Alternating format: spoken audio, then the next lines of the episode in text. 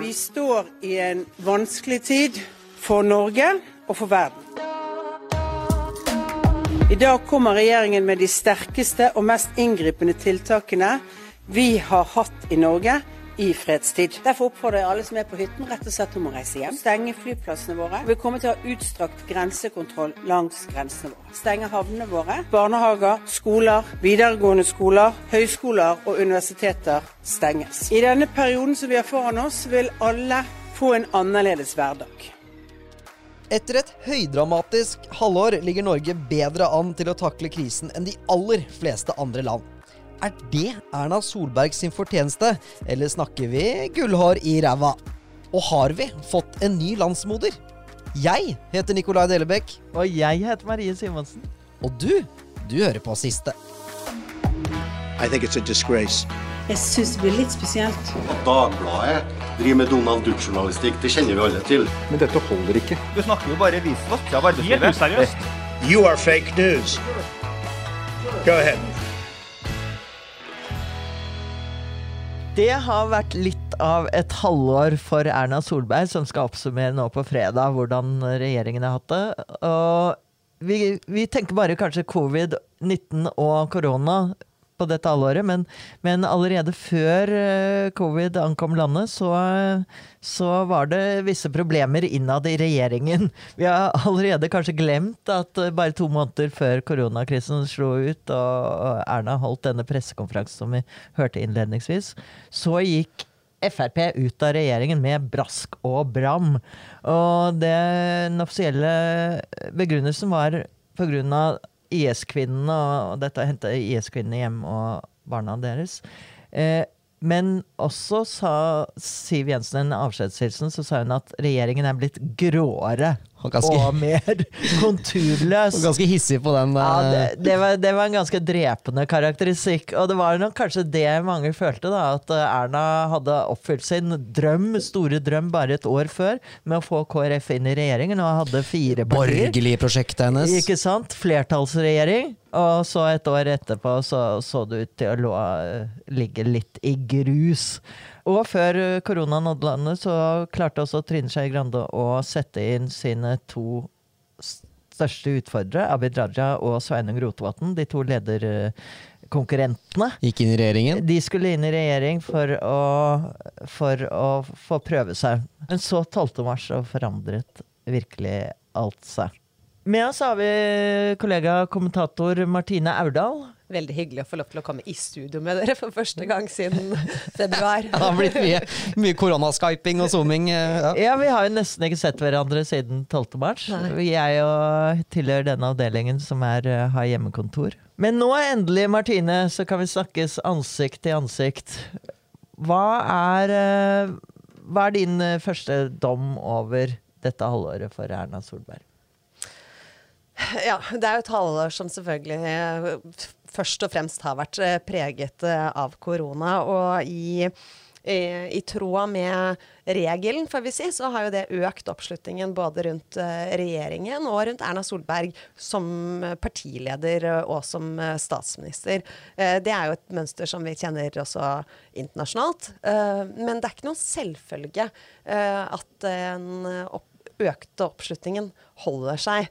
Eh, vi ser jo at altså, Stefan Löfven i Sverige og Donald Trump i USA økte også oppslutningen i starten av krisen, men etter hvert som dødstallene der eh, økte, så sank oppslutningen eh, rundt Så andre lederne. du, du må gjøre deg litt fortjent til det, altså. Du må gjøre deg litt fortjent til det. Og eh, denne nedstengningen av Norge har jo hatt den effekten at vi nå har veldig lite smitte i samfunnet. Det gir økt eh, tillit til myndighetene.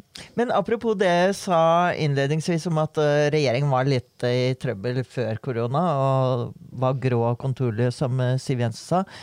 Da hadde jeg altså 23% som var tilfreds med regjeringen, og i slutten av mars så var det 49% Det er veldig høy. Nei, saker. Ja.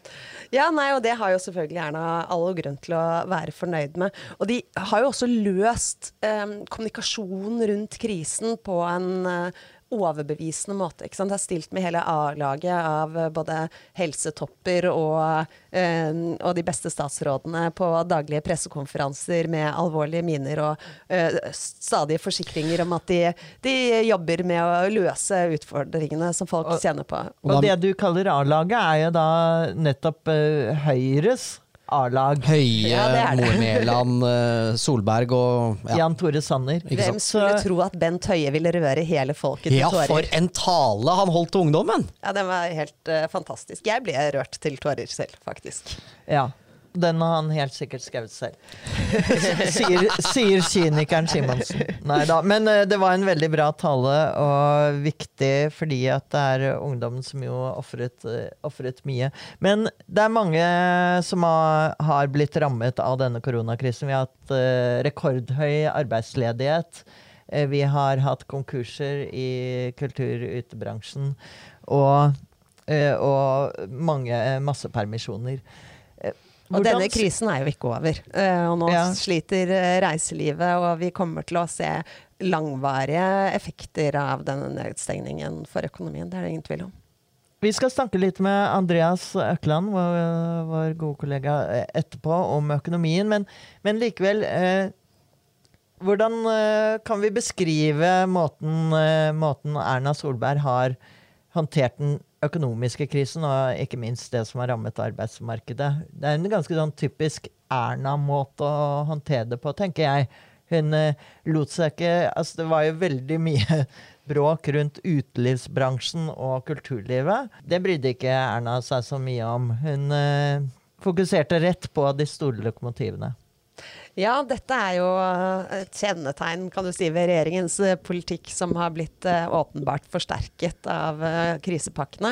Hvor de store pengene og det største fokuset har gått på å holde de store finansielle hjulene i gang. Og det er jo derfor også Stortinget har gått inn og overtatt mye av styringen av utformingen av eh, krisepakkene, for å sikre også arbeidstakernes rettigheter, og at ikke de permitterte skal sitte igjen med regninga når staten tar en større del av den eh, fra bedriftene. Så har det vært en, eh, en viss sånn uenighet om hvordan man skal håndtere det. Erna Solberg har fulgt stort sett Helsedirektoratets råd. Mens Folkehelseinstituttet var litt syntes at, eh, at de tok litt hardt i. De var bl.a. kritiske til at man stengte ned skolene. Ja, Det er jo særlig akkurat denne nedstengningen av skoler og barnehager som er eh, kjernen i uenigheten. Og det er jo et virkemiddel som uh, man ikke vet effektene. Uh, det har jo ikke vært uh, stengt ned, som vi vet, i, i, Sverige, og der har det gått dårlig. Men det kan skyldes alle de andre tiltakene som også er forskjellige. Ja, altså, for det er litt urettferdig, syns jeg, at FHI blir ofte sammenlignet med at de legger seg på Tegnell-linjen, mm. altså den svenske linjen, og ser hvordan det har gått der, liksom. Men, men FHI mener jo at et annet bedre virkemiddel var å isolere sårbare grupper, uh, teste mer, gå mer etter, uh, etter, smittebærerne.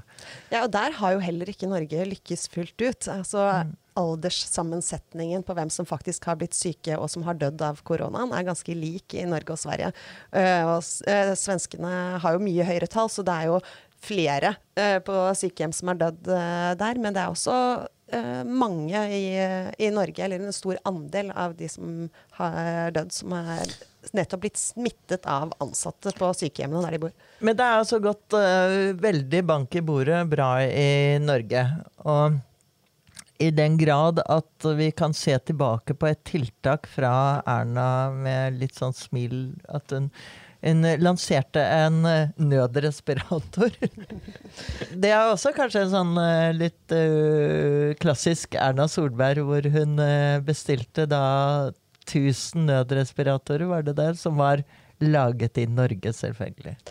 laget i Norge, og i en litt sånn desperasjon eh, hvor man eh, søkte etter alle mulige løsninger og så for seg at helsevesenet kom til å bli oversvømmet, så var det vel muligens en logikk i det.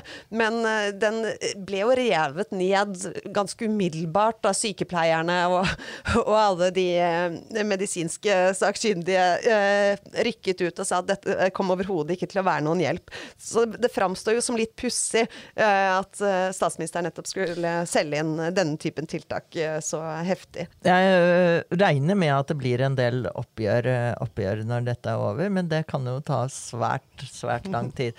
Men dette er jo regjeringens altså, halvoppsummering. Og når jeg ser tilbake på denne våren, så har det jo vært, selv om vi er enige om at det var Stortinget som i stor grad utarbeidet disse pakkene, og mye har jo naturlig nok foregått på Stortinget, så har de andre partiene unektelig kommet litt i skyggen av Erna Solberg. Hvor er Jonas Gahr Støre? Det tror jeg mange i Arbeiderpartiet også lurer på. Eh, Det burde jo være et rom for arbeiderbevegelsen i en sånn eh, krise til å kunne stå eh, høymælt og rakrygget på arbeidstakernes eh, vegne, og, i en situasjon hvor man har rekordhøy arbeidsledighet, kunne nettopp skape seg et rom uh, som ville være effektivt fram mot uh, valgkampen uh, neste år.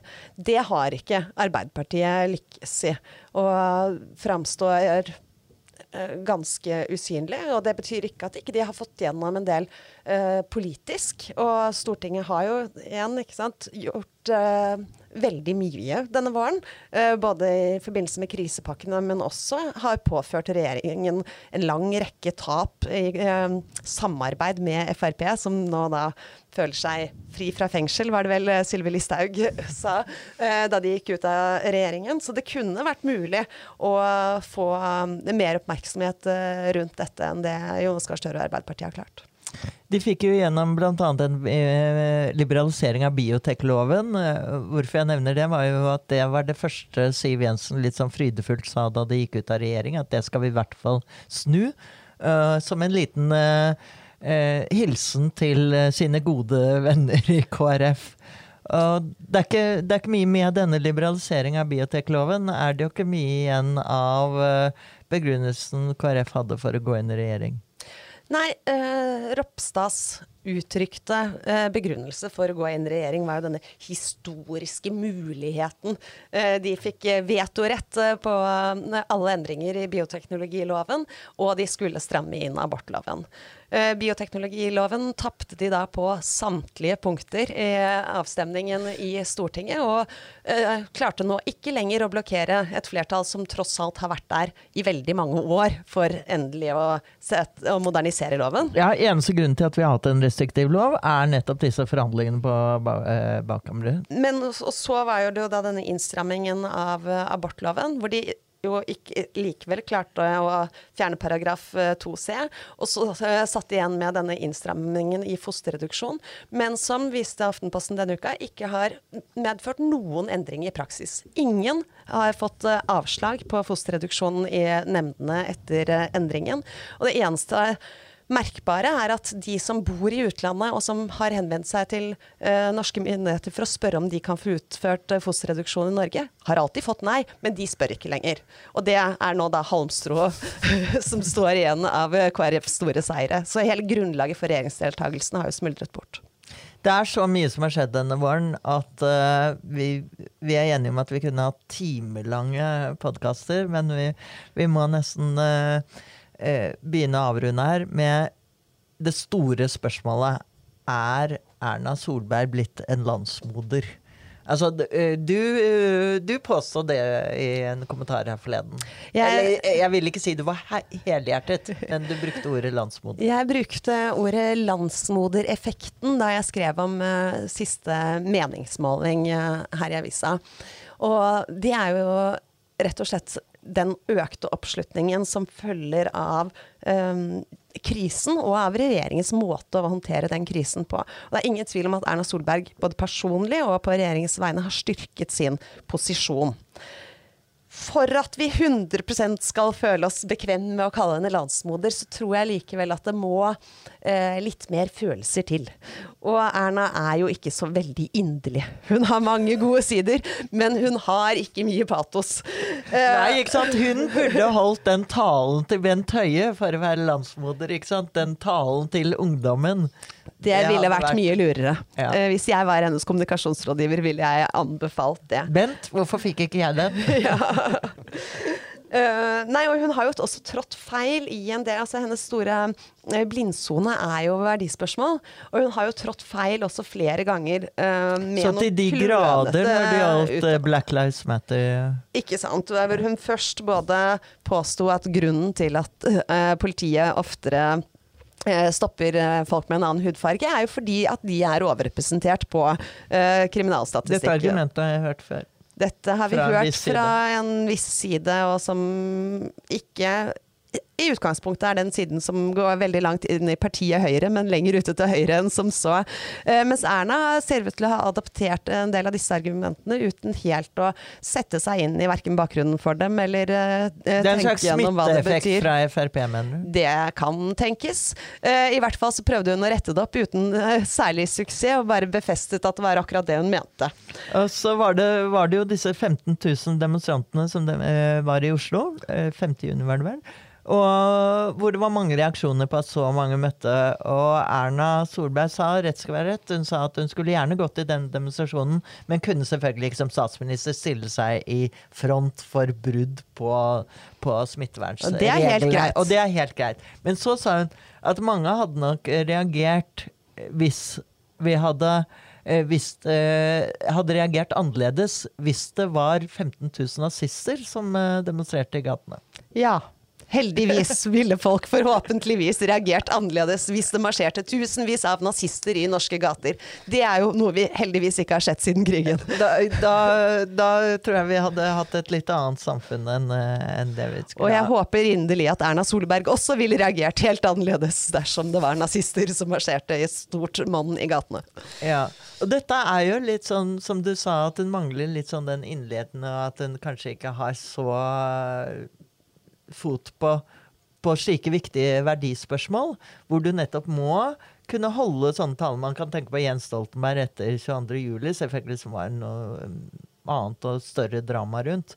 Men likevel, han også hadde, som vanligvis også kan være en pragmatiker i disse mm. tingene, klarte likevel å frembringe den patosen. Og så har du selvfølgelig sånne som du liker godt, Justin Trudeau og ja, fordi egentlig altså, eh, Verdispørsmål er jo ofte vanskelig for de største partiene, fordi at skillelinjene både på innvandringsspørsmål og på miljøspørsmål går tvers igjennom dem og splitter både Høyre og Arbeiderpartiet i to. Så det er vanskelig å vinne uh, mye på å være tydelig i de spørsmålene. Men når det er nødvendig, ikke sant uh, antirasisme er en norsk grunnleggende verdi eh, som hele samfunnet deler. Da må også statsministeren kunne målbære de verdiene på samme måte som kongen faktisk gjør ganske ofte, og har fått eh, mye eh, både respekt for, men, men, det er også mange som har uttrykt hvor viktig det er for dem.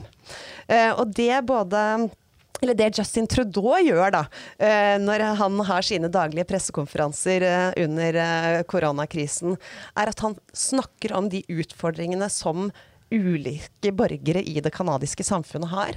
Han eh, forteller med overbevisning eh, som han tror på at han forstår dem, og så beroliger han med å fortelle hvordan han jobber for å løse disse utfordringene. Ikke sant? Og, og det tenker vi er et liten diskusjon og debatt om i Norge, eller i hvert fall i forhold til mange andre land, er jo at dette er en dramatisk eh, situasjon for veldig mange mennesker som bl.a. ikke har fått dagpenger ennå en gang. Mm. Og, og økonomisk eh, krisesituasjon. Så vi har på en måte en ny Nav-krise som kanskje ikke Nav skal ta det fulle og hele ansvar for. Men, eh, men den uh, krisen der er, er, ikke så mye omtalt, syns jeg. Nei, det er ikke det. Og det er klart, altså, stakkars uh, overarbeidede Nav-saksbehandlere i disse tider, som jo har behandlet flere saker enn noensinne, men hvor situasjonen for den enkelte søker er jo også fryktelig dramatisk. Folk står uten penger i månedsvis. Og det er det ikke alle som har buffer nok til å takle, og dem burde kanskje statsministeren snakket mer om. Ok, så landsmoder, the jury is out, som det heter på norsk. At, uh, at vi må, må, se litt til. Men, uh, men, det er ikke så mange andre som har uh, inntatt den rollen. Det må kanskje være Bent Høie, da? Ja, med kanskje Bent Høie. kanskje? Jeg, ja, jeg syns jo den var litt Nakstad? sånn overraskende. Jeg syns Nakstad, kanskje. Ja, det var kanskje det du skulle begynne å si, ja, selvfølgelig. ja, altså Nakstad, men også Camilla Stoltenberg, har jo framstått med stor overbevisning ja. og trygg Men i det siste så har vi sett mindre av Camilla Stoltenberg og mer av Nakstad, føler jeg i hvert fall. Det er mer Nakstad som fronter nå. Ja, Camilla, eh, Camilla, Stoltenberg har jo hatt en eh, slags sånn eh, store intervjuer. Naksa er inne på i korte intervjuer i alle kanaler. Mens Camilla Stoltenberg har jeg sett har hatt veldig mange store intervjuer hvor hun har løftet, hatt en liten sånn hvelving over det arbeidet de har gjort. Så ja. de kanskje utfyller hverandre. Ja, jeg føler meg litt trygg med Camilla Stoltenberg i ledelsen under en krise. Men Tegnell i Sverige, ville du følt deg like trygg med han som landsfader? Jeg, vet, jeg har litt sansen for Tegnell også, jeg. Ja, altså, jeg syns det Dette ante meg. jeg syns han er, eh, er tøff som, eh, som, står Og han står jo også personlig på samtlige pressekonferanser og svarer ja. på Eh, alle de kritiske innvendingene. Og jeg syns både FHI i Norge og at uh, Tegnelli i Sverige nettopp har vært tydelige på hva de vet og hva de ikke vet, og hvilket rom de tar beslutninger innenfor. Og jeg syns vi skal ha stor respekt for alle som, altså alle som driver og tar disse avgjørelsene på et bevegelig mål hvor man står uten uh, klare fakta. Men uh, bare sånn kjapt tilbake til Nakstad. Det Nakstad har gjort, som han har fått veldig mye heder for, er jo at han har vært så ærlig, som du sier. Mm. Uh, han har svart mye mer tydelig, mye mer åpent enn veldig mange har gjort tidligere. Og så har han jo da bakgrunn ikke som kommunikasjonsutdannet medarbeider, nær sagt, men han har jo bakgrunn innenfor medisinen. Mm. hva sier det om kommunikasjonsbransjen og disse, hvordan PR-rådgivere som forteller Erna hvordan hun skal snakke osv.? Ja, det er et interessant spørsmål. Det vi vil ha, vet du, når vi er usikre og redde, det er tørre, klare fakta og åpenhet rundt usikkerhet. Og noen som tydelig sier at de jobber for å løse problemene. Og det er jo nettopp det Nakstad gjør. Og det eh, tenker jeg Monica Mæland også har litt den derre litt sånn fornuftige, klare, presise, harde. Mm. Definitivt. Ja. Så, så, det er det vi trenger, at noen forteller oss uh, hva vi gjør. Men uh, men vi har jo ikke kastet terning på regjeringen denne våren. For det er jo litt sånn uh, vanskelig. Men uh, er, det, er det, noe Hva var best, Ny, Nygårdsvold eller Solberg? Hvem sto av kvisten best? Uh, altså, Historien har vel felt sin dom over Nygårdsvold, så vi lar det ligge. Men, men terningkast på Erna. Ja, det er jo definitivt i øvre halvdel av, uh, av rammene. Så det er jo Skal vi se, nå, nå, tenker jeg høyt, for dette var jeg ikke forberedt på. Men det er jo fire eller fem. Hva? Ja, en firer. En firer, ja. Hun har litt å gå på ennå. Ja. For å bli landsmoder må du opp der på Må vel ha sekser. sekser. Ja. Vi kan si solid håndtering så langt, men uh, litt mer patos, takk. Koronakrisen har jo ført til en bråstopp i økonomien, og det er rekordhøy ledighet. Og man sammenligner det med den store depresjonen i mellomkrigstiden. Men økonomene sier nå faktisk at de tror at nedturen kanskje blir mindre bratt enn de hadde sett for seg. Altså at økonomien tar seg raskere opp enn forventet. Og Andreas Økland, eh, god kollega og kommentator i, Dagbladet her i sommer, og ikke minst i denne forbindelse økonom. Økonom og doktorgradsstipendiat, må det være lov å si, Andreas? Ja, ikke minst. Så vi må stole på det du sier, da. Er du enig yes. med dine fremtidige kolleger? Jeg tror nok at jeg var ikke like bekymret for de da det sto på som verst i mars. Så Derfor er jeg kanskje ikke den samme sånn optimisme nå når ting eh, begynner å bedre seg igjen.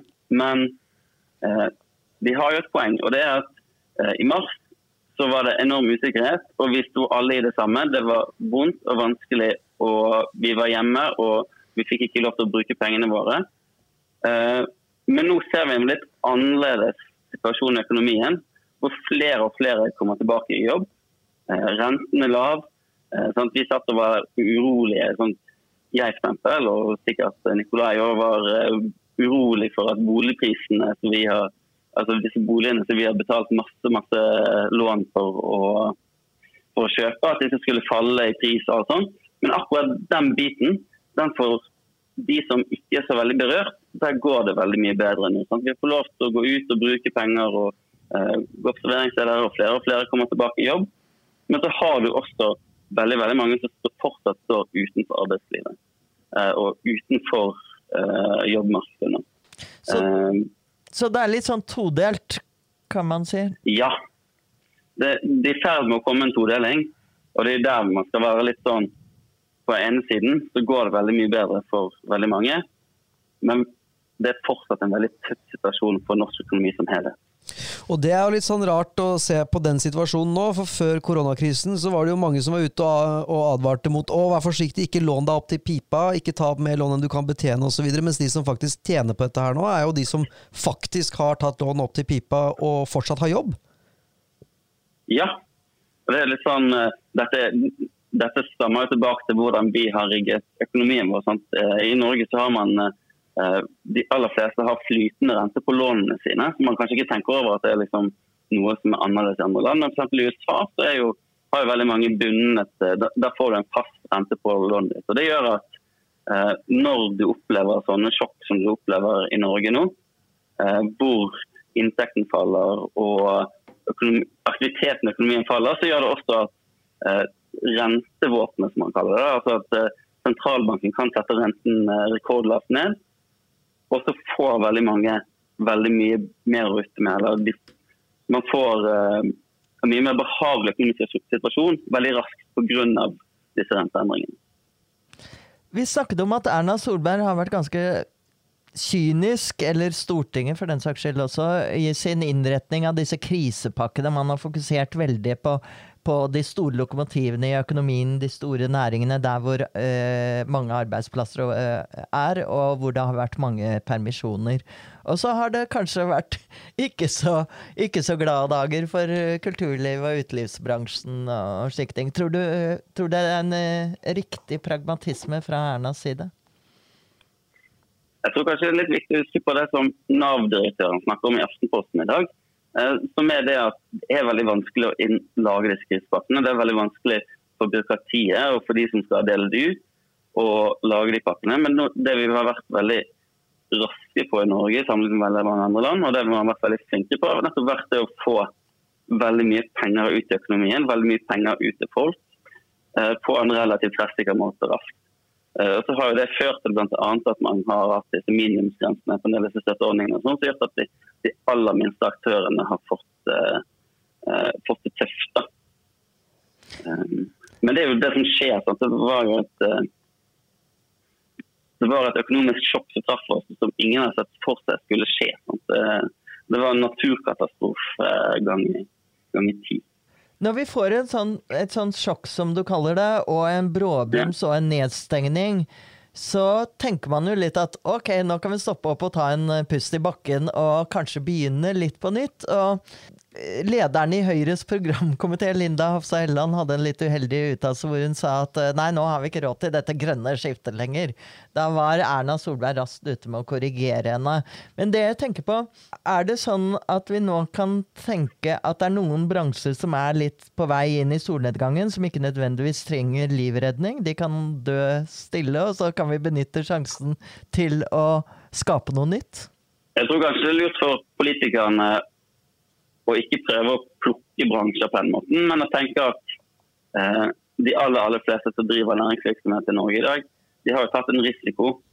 Eh, og Poenget for politikerne er ikke, å gjøre det risikoløst å drive, eh, drive næring. Eh, så Man må jo selvfølgelig innrette disse pakkene og støtten på en måte som gjør at man ikke liksom holder i gang noe som uansett kommer til å dø ut.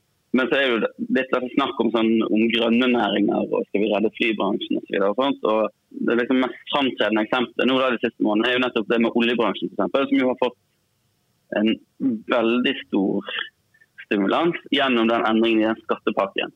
Ja, eh, så det er jo mye, mye styrer på at man ikke tenker så strategisk på å bevare, nei, på å la det nye blomstre fra regjeringshold. Hvis vi ser på andre land, Andreas, hvordan de har løst det, går det an å rangere hvilke land som på en måte er best rusta når denne koronakrisen en gang er ferdig?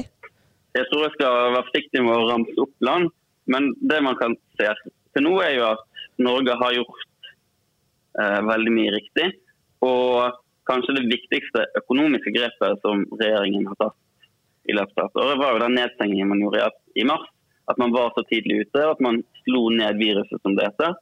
Eh, som har hatt ganske stor betydning for at økonomien da kan blomstre nå når eh, vi har stått ned viruset, og hvor frykten i befolkningen er mye mindre. Og Det ser man jo til forskjell fra andre land, som Sverige og Storbritannia, litt sånne ting, hvor man fortsatt er flere måneder bak liksom, Norge i, i, å åpne opp igjen landet.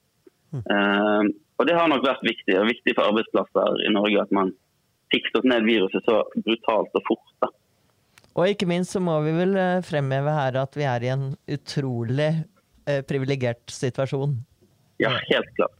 Jeg har sluttet å telle hvor mange oljekroner som brukes nå i år for å ja. holde i gang økonomien. Vi trenger ikke å trykke penger, vi trenger ikke å låne av andre stater, vi trenger ikke å ha, gi ut statsobligasjoner. Og vi er ikke er jo... Donald Trumps vi... statsoverhode. Nei, heldigvis ikke.